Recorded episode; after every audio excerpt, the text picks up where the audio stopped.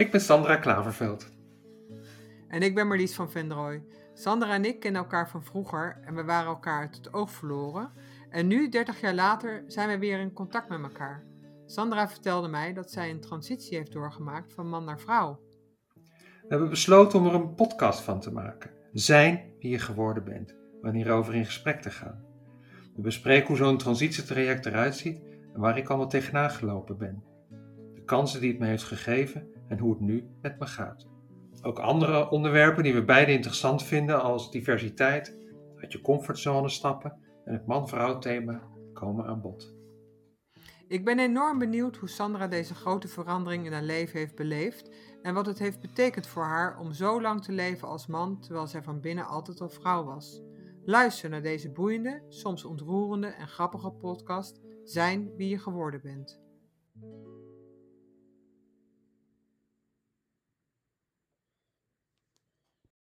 Hey Marlies, hoe is het ermee? Hey Sandra, ja prima, Ja, prima. En met ja. jou? Nou, ik wilde nog even terugkomen op eh, onze podcast van, eh, van vorige week. Ehm, je vroeg een paar keer van, eh, maar hoe weet je dat dan? Of je, dat je vrouw bent? Hoe weet je dat dan? En eh, ehm, ja, voor mijn gevoel heb ik daar wat over zitten hakkelen en, en zoeken naar woorden. En het is een vraag die me de afgelopen week enorm heeft bezig gehouden. Van hoe weet je dat dan? Er zijn natuurlijk heel veel mensen die deze vraag gesteld hebben aan mij. Hoe weet je dat dan? Of waar zit dat dan?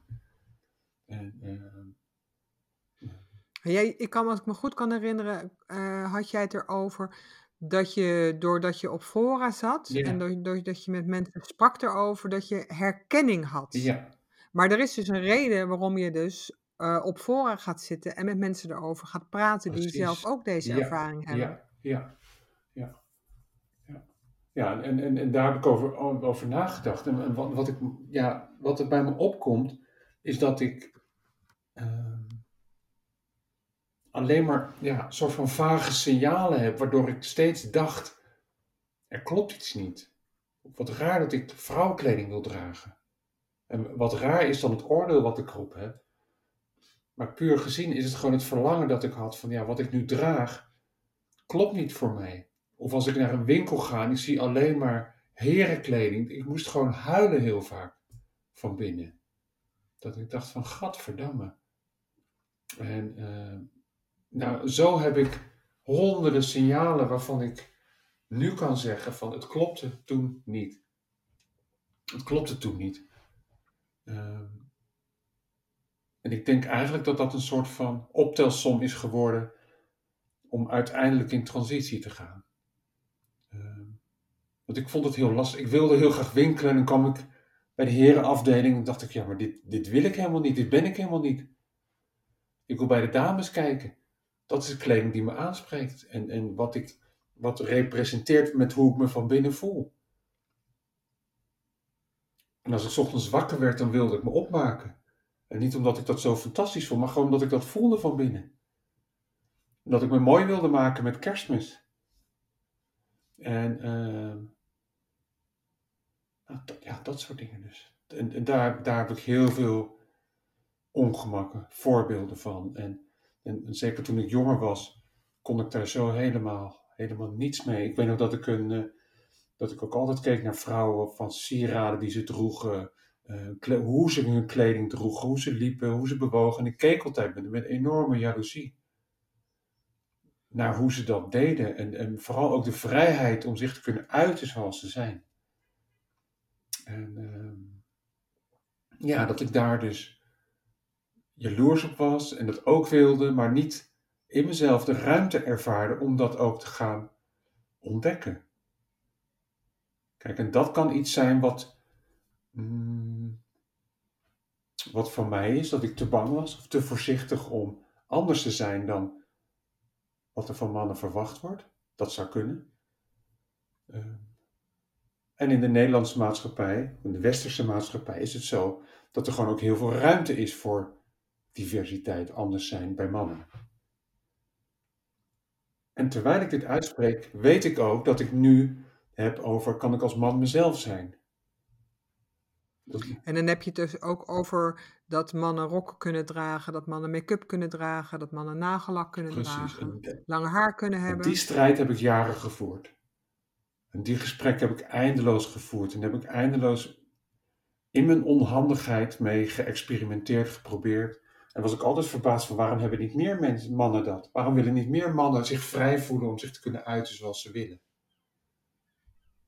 En wat bedoel je dan met experimenteren? Heb je toen ook je haar laten groeien? Ben je make-up gaan dragen, nagellak? Je had al aangegeven dat je vrouwenkleren ging dragen, maar Nou, dan meer in het Je stiekem. gaat nu alweer veel te snel.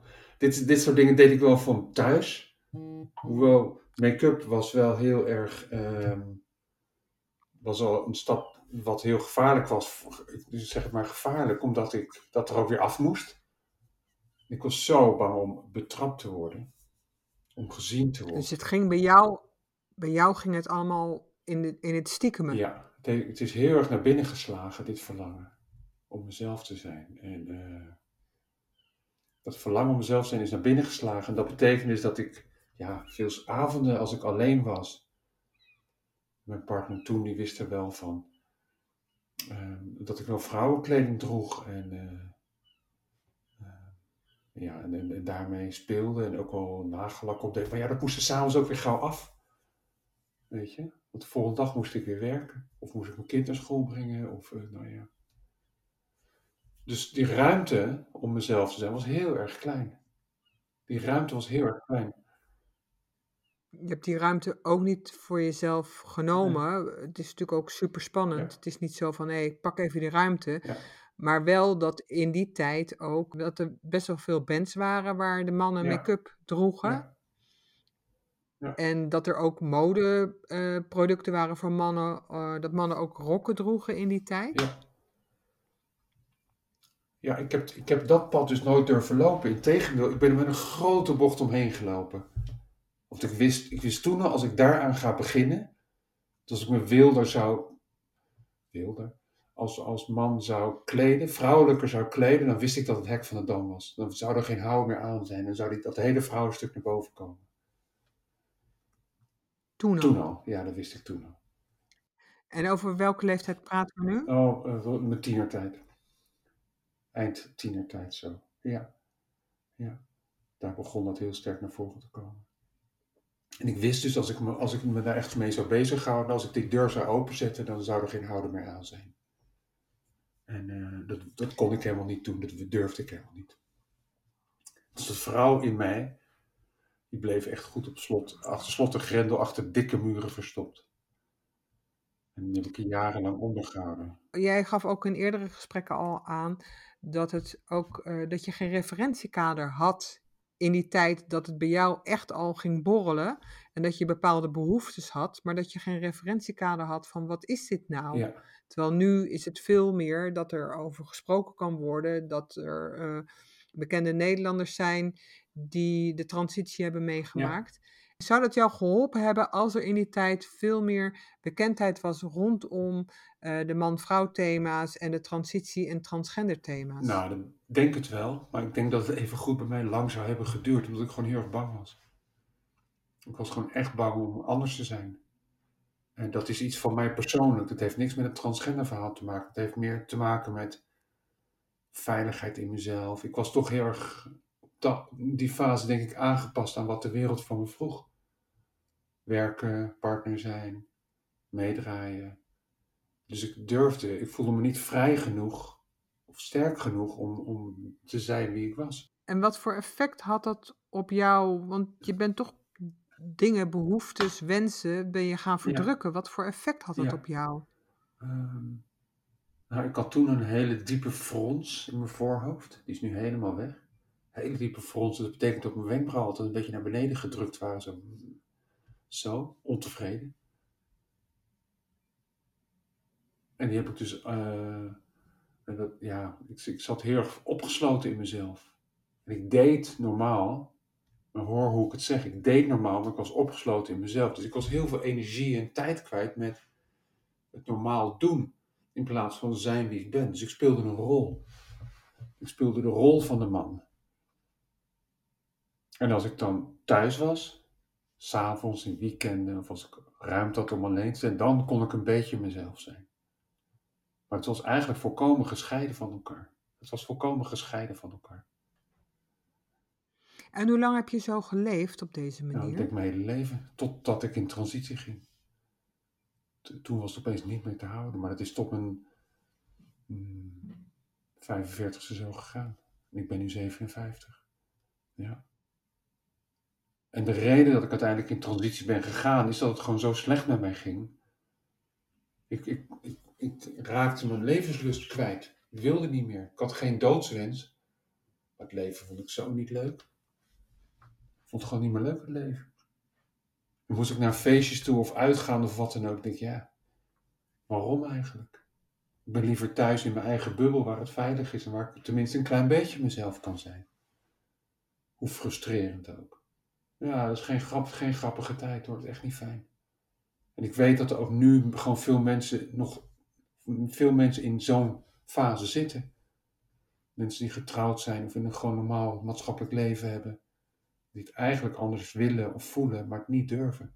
Nou, dat is niet leuk. Nou, het is meer dan niet leuk, want uiteindelijk wat ik van jou ook hoor, is dat je dan zo slecht in je vel zit dat je eigenlijk niet meer deel wil nemen aan het leven of dat het zoveel energie kost en dat er mogelijk ook momenten zijn geweest van depressie, Ik depressiviteit. denk het wel, ja. De verborgen depressie, zeker. Ja. Ja. Ik ben van nature geen depressief of somber mens, echt helemaal niet. Maar ik was ja, toch redelijk radeloos aan het worden. En ik heb het altijd weggestopt. Ook die somberheid heb ik weggestopt, die radeloosheid. Dus ik, niet iedereen heeft daar veel van gemerkt, denk ik. Ik ben over het algemeen best een aardig mens. Dus mensen zagen vooral ook mijn aardige kant. Waardoor ik denk, de rest ja, ook goed heb weggestopt. Ja. Ja, ik vind, vind het naar om dit te vertellen. Ik vind het echt naar om te vertellen, omdat het geen... Hmm, Het voelt voor mij ook een beetje alsof ik de boel bedonderd heb, weet je. Me anders voordoen dan ik me eigenlijk voelde. En eh, als ik het vergelijk met nu, waarin ik zoveel meer energie heb en me vrij voel en, en, en dus ook mijn contacten met de mensen om me heen zo enorm, veranderd zijn. Dat ik me vrij kan uiten en bewegen. En op welke manier zijn ze veranderd, je contacten? Mm, Nou, veel intiemer. Ik ben, omdat ik dichter bij mezelf ben, veel dichter bij mezelf leef, kan ik ook dichter bij een ander zijn en kan ik een ander ook toelaten. Dus die muren die ik had opgebouwd, die zijn nu verdwenen. Dan vind ik het interessant om te weten eh, of dat ook niet komt omdat bij vrouwen dat makkelijker eh, toegelaten wordt om intiemer met elkaar te zijn in vriendschappen. Nou, wat ik merkte is dat ik dacht, oh, nu ben ik vrouw, nu kan ik eindelijk intiemer zijn. Wat als man niet kon. Of in ieder geval, ik voelde die ruimte niet.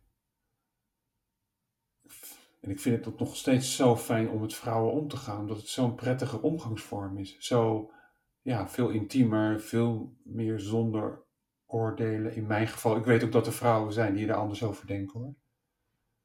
Maar ik vind het gewoon echt heel erg fijn. Omdat ik met vrouwen mezelf kan zijn. Eindelijk. En dat is heel, heel- ja, dat is voor mij heel fijn. En dat heb ik wel enorm gemist. Ja, en of dat nou komt door de transitie en dat die ruimte er is, of dat het iets in mij is wat altijd heeft gezeten en wat nu pas naar voren komt, dat weet ik eigenlijk niet. Dat weet ik echt niet. Ik weet niet waar het kip en het ei is. Of ik veranderd ben omdat ik mezelf kan zijn, dat het ruimte krijgt, of omdat, eh, weet je, omdat ik de rol van vrouw, eh, zeg maar, heb aangenomen, na de rol van de man. En dat ik me in die rol comfortabeler voel. Of dat het iets is wat altijd al heeft ingezeten en nu pas, wat, wat ook echt van mij is en naar voren komt. En dat in die, eh, al die jaren daarvoor had iets je kunnen helpen om de periode waarin je zo rot voelde te verkorten. Hmm. Nou, het enige wat, ik kan, wat er in me opkomt is dat er een crisis had moeten ontstaan. Dat ik echt had omgevallen. Dat had het versneld, maar anders niet, denk ik. Nee. Of ik had weg moeten gaan, maar dat heb ik ook geprobeerd. Dat werkte ook niet. En wat bedoel je dan met weggaan? Nou, letterlijk uit mijn situatie gaan, een nieuw leven beginnen als mijn nieuwe zelf, soort van of zo, maar dat. Ja. Hm. Maar ik denk niet dat er veel had geweest wat het proces had kunnen versnellen. Ik moest gewoon lef opbouwen. En referentie, wat er ook pas laat kwam.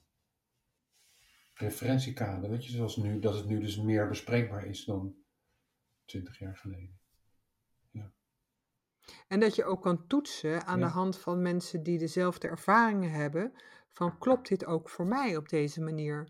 Want er is natuurlijk helemaal niks mis mee om als man zijnde je haar te laten groeien, je op te maken en eh, een rok te dragen en op deze manier gewoon je leven te leiden. Nou, ik ben in de jaren negentig, in de wilde jaren negentig, heb ik ook een tijd in Amsterdam gezeten. Ben ik heel veel uitgegaan naar Roxy en de It en dansen en wild en uh, Sodom en Gomorra. Het was wel een hele leuke tijd. Ik voelde altijd die kramp in mijn lijf. Van, ik voelde het verlangen om mezelf te zijn. En, en wat het, ja, daarbinnen was sexy stroomde, mannen met mannen, vrouwen met vrouwen. Het kon ze gek niet bedenken of het, of het was er. Er was nul rem op van alles. Dus als ik ergens mezelf kon zijn, was het daar. Maar daar ging het me niet over. Daar ging het me niet over. Ik wilde gewoon wakker worden en, en een vrouw zijn en naar, de, en naar de bakker gaan. Dat is waar het me om ging. Heel bazaal. Snap je? Identiteit als vrouw zit van binnen. En ik kan natuurlijk wel met de omstandigheid buiten, had ik wel kunnen, had wel wat kunnen verlichten, maar dat was het niet. Dat was het niet voor mij. Nee. Ik, ik kon niet een man zijn die als vrouw ging dansen. Dat had ik wel, heb ik wel geprobeerd, maar dat, dat is het niet. Dat was het niet. En nu, na, nu mijn transitie wel achter me ligt, merk ik ook dat ik me als man kan kleden, omdat ik weet dat ik als van binnen vrouw ben. Dat is echt super interessant. Dat er gaat het niet meer over de kleding of de buitenkant, omdat ik weet dat ik van binnen klop. Ik weet wie ik ben en dat het er ook kan zijn. Ik vind het interessant dat je zegt als man kan kleden. Ja. Uh, want hoe, hoe is dat dan? Nou, gewoon een broek en een trui, meer niet. Niet veel oog voor uh, of het past of klopt of uh, zoiets. Dat is voor jou nu als een man kleden? Ja. Omdat jij als man ook zo ja, kleden? Ja, waarschijnlijk wel, ja. ja, waarschijnlijk wel. En zoals je weet woon ik uh, op het platteland en zijn er ook genoeg dagen waarbij ik een broek en een trui aantrek en me niet mm. opmaak en gewoon mijn dingetjes ja. doe. Dus uh, daarom vind ik het een interessante opmerking wat ja. jij zegt. Maar ik kan dat pas zijn op het moment dat mijn vrouwelijke identiteit van binnen er in volle glorie kan zijn, snap je? Dat is wat, precies wat de transitie is. Jij bent vrouw, dus je hoeft het niet ja, dus hoe je naar, naar buiten treedt, dat, daar hoef je niet bij stil te staan, omdat je weet wie je bent. En ik wist ook wie ik was. Ik wist al lang dat ik vrouw was. Omdat ik het niet kon uiten, had ik het nodig om die buitenkant van kleding en make-up en zo te omarmen, om dat, om mijn eigen identiteit te laten zien. En nu mijn eigen identiteit veel meer ingebed is in mezelf, nu ik weet wie ik ben, kom ik ook veel meer in de buurt van, ja, zoals jij beschrijft, van ja, als ik in een, in een oude kleren op straat loop, dan maakt me niks uit. Want ik weet, weet je, want je weet wie je bent. En ik ben daar, denk ik, nu pas aan het aankomen. Toen ik begon te vertellen, dit is wat er aan de hand is met mij, dit is wie ik ben, dat mensen eigenlijk alleen maar positief reageren. En sterker nog zeggen van, ik wou dat ik het lef had om echt mezelf te zijn. En dan gaat het niet over transitie per se. Maar iedereen heeft zo zijn eigen dromen en verlangens. En iedereen zit vast in een soort van keurslijf, of denkt vast te zitten in een soort van keurslijf. Dus op het moment dat ik eruit, toen ik eruit stapte, kreeg ik echt veel reacties dat mensen dat ook al zouden willen. Om uit hun gevangenschap te stappen. Ja. En wat is dat dan uit je gevangenschap stappen? Dat je trouw bent aan je eigen verlangens. Er was een man en die vertelde van, uh, ik wil zo graag stoppen met werken. Ik wil het anders doen. En deze man die wilde als allerliefste wilde die een soepkar beginnen. En die had een hoge functie, een managementfunctie. En die wilde een, eigenlijk zei ik wil gewoon soep maken en dat verkopen voor een goede prijs. Biologische soep en dat verkopen. Dat was echt zijn droom, hè? al jaren. En hij had het plan helemaal rond. Altijd gewoon helemaal rond. Hoe hij het zou doen. Ah. Ja, het heeft natuurlijk ook risico's qua geld en qua status en qua van alles. Maar dat is wat zijn diepste wens was op dat moment. En hij deed het dus niet. En het heeft voor mij mijn transitie, en in de hand van dit voorbeeld maakt het ook duidelijk, veranderd dat ik in het moment moet leven. Nu luisteren naar mijn dromen en niet weten waar het uitkomt. Het heeft jou denk ik een bepaalde vorm van zelfvertrouwen gegeven. Dat jij, uh, je bent nu, je hebt zo'n hele heftige transitie meegemaakt. Dat jij ook, denk ik, het vertrouwen hebt dat als jij weer voor iets anders kiest of voor een totale verandering of voor kleine verandering, dat jij denkt van ik kom er wel, want dit heb ik ook overleefd, tussen aanhalingstekens. Ja, ja echt. Echt, dat is echt zo. Daar is echt een soort rust in gekomen. En hoewel de transitie heel heftig was, weet ik als de nood aan de man is of, of niet, komt altijd goed. En als we het dan hebben over die man met zijn baan, dan geef je ook aan van, hij heeft natuurlijk een financiële verantwoordelijkheid, uh, zijn kinderen moeten nog studeren, uh, een huis waarin meerdere mensen wonen, dat moet ook betaald worden. En dat zijn maatschappelijk financiële risico's, waarbij heel veel mensen zeggen van, oh ja, maar dat is wel heel spannend, Waar, zou je dat wel doen? En in, wat, was, wat was in jouw geval het maatschappelijke risico met betrekking tot je transitie? Ik kan natuurlijk wel heel veel dingen bedenken, maar wat voelde jij als het meest heftige, intense van wat je zou kunnen verliezen of wat er dan mis zou kunnen gaan waardoor dingen uh, uit elkaar zouden vallen? Nou, ik zag mezelf als zwerver, als halve gek zwerver op straat lopen. Dat was echt een beeld wat ik had. Ik denk, oh ja, dan kan ik niet meer werken. Oh ja, mijn partner wil me dan niet meer, ziet mijn kind niet meer. Ik denk, oh ja, mijn vrienden lachen me uit. Uitgestoten worden door jouw vertrouwde omgeving. Uitgestoten. Ja. Dat was mijn grootste angst. Om niet meer erbij te horen. Omdat ik ook de enige was. In mijn omgeving die dan zoiets raars, ik zeg maar even tussen haakjes, raars zou doen. En ik dacht van nou, dat is te ver, te veel gevraagd. Dat gaan mensen nooit accepteren. Dat was mijn angst. Dat is wat ik als mijn voor me had. Nee, als ik dit doe, als ik hiermee, als ik dit pad ga lopen, dan, dan vergaat de wereld voor mij. Dan heb je niks meer. Dan heb ik niks meer. Ja. Weet je, en in die zin was het ook wel een, uh, een uh, het woord vision quest kwam in me een, een, een, een, reis die ik heb gemaakt. Ik, ik heb ook altijd de metafoor van op reis gaan. En over bergen en dalen en uh, die hele transitie. Weet je, het gaat ook over vertrouwen in de mensheid en in mensen om me heen en vertrouwen in mezelf. Uh, die, die hebben meegespeeld tijdens de transitie. Ik heb moeten leren vertrouwen op anderen. En wanneer kwam het moment dat je ervaarde dat je niet zou worden uitgestoten door je vriendengroep, door je partner, door je werk? Het zijn verschillende momenten geweest. Uh, ik ben op een gegeven moment mijn verhaal gaan vertellen, was ik nog man. En uh, toen duidelijk werd van dit gaat echt gebeuren, toen was ik al bij een therapeut en toen, toen was het proces al behoorlijk vergaande. Met weten dat, dat ik als vrouw zou gaan leven, mezelf zou gaan leven. Toen kwam er een moment dat ik het moest gaan delen. Um, en dat heb ik gedaan in de fase dat ik nog man was. Dat heb ik vooral samen met mijn partner gedaan. En toen ik dat ging vertellen, kreeg ik zulke liefdevolle reacties. Ja. Dat mensen eigenlijk alsmaar positief waren. Mensen voelden zich ook genaaid. Vooral mensen die dichtbij waren, zijn. Weet je, mensen met wie ik gewoon een intieme band heb. Vrienden, uh, collega's ook wel. Die, uh, maar, maar over het algemeen waren de mensen heel positief. Wat fijn.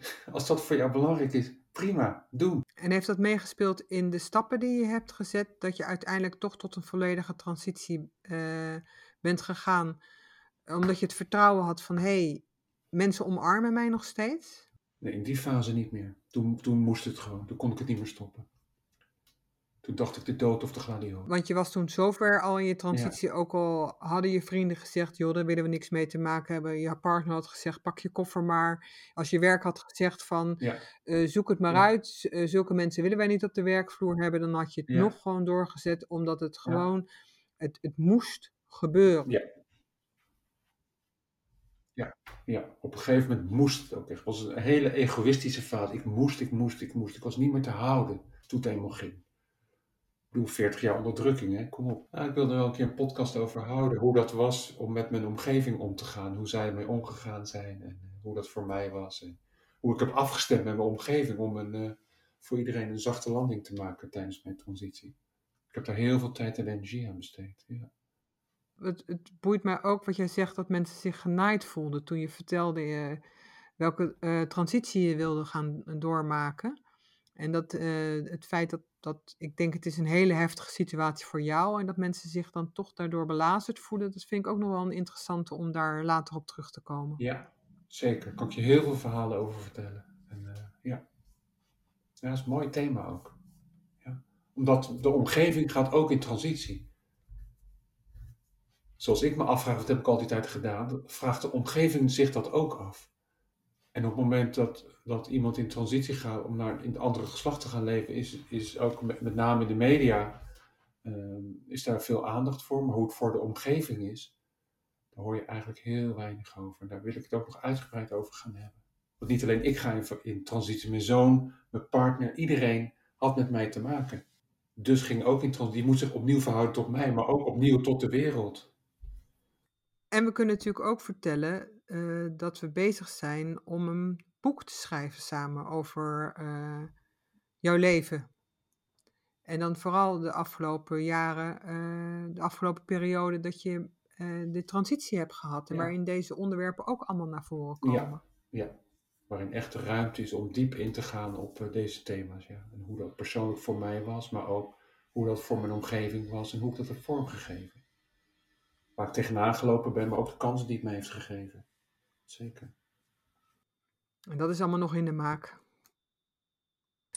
Ik vind, ik, vind het, eh, eh, ik vind dat je mooi woorden hebt gegeven aan wat het nou is, eh, wat ervoor heeft gezorgd dat je uiteindelijk in transitie bent gegaan. En dat het vooral heel diep van binnen zit. Ja, En ja. ik, ik vind dat je daar mooie woorden aan hebt gegeven. Mm, dankjewel. Nou, dankjewel. Dat, nu wordt het ook helder. Het is soms zo moeilijk om te zeggen van waarom dan? En eh, nou, ik hoop dat het ook voor de luisteraars helder is geworden mm, welke interne processen zich allemaal afspelen of voorafgaan aan ja, om echt jezelf te worden, te zijn. Als er mensen zijn die eh, geraakt zijn door deze podcast, voel je vrij om te reageren. Voel je vrij om bericht te sturen of een vraag te stellen. Dan, eh, dan kunnen we daarop terugkomen. Ik wil je bedanken voor het luisteren. En eh, nou, tot de volgende. Wil jij nog iets zeggen, Marlies? Nee, ik, ik dank je wel ook weer. Ik blijf je natuurlijk na iedere podcast bedanken, omdat je toch wel ook je hele Mm. persoonlijke verhaal allemaal eh, deelt. Dus ook in, de- Ja. in deze situatie, of ook in, in de, voor deze podcast, eh dank je wel voor je verhaal. En eh, Ja. we spreken elkaar volgende week weer. Dat is goed. Oké, dankjewel. Zijn wie je geworden bent.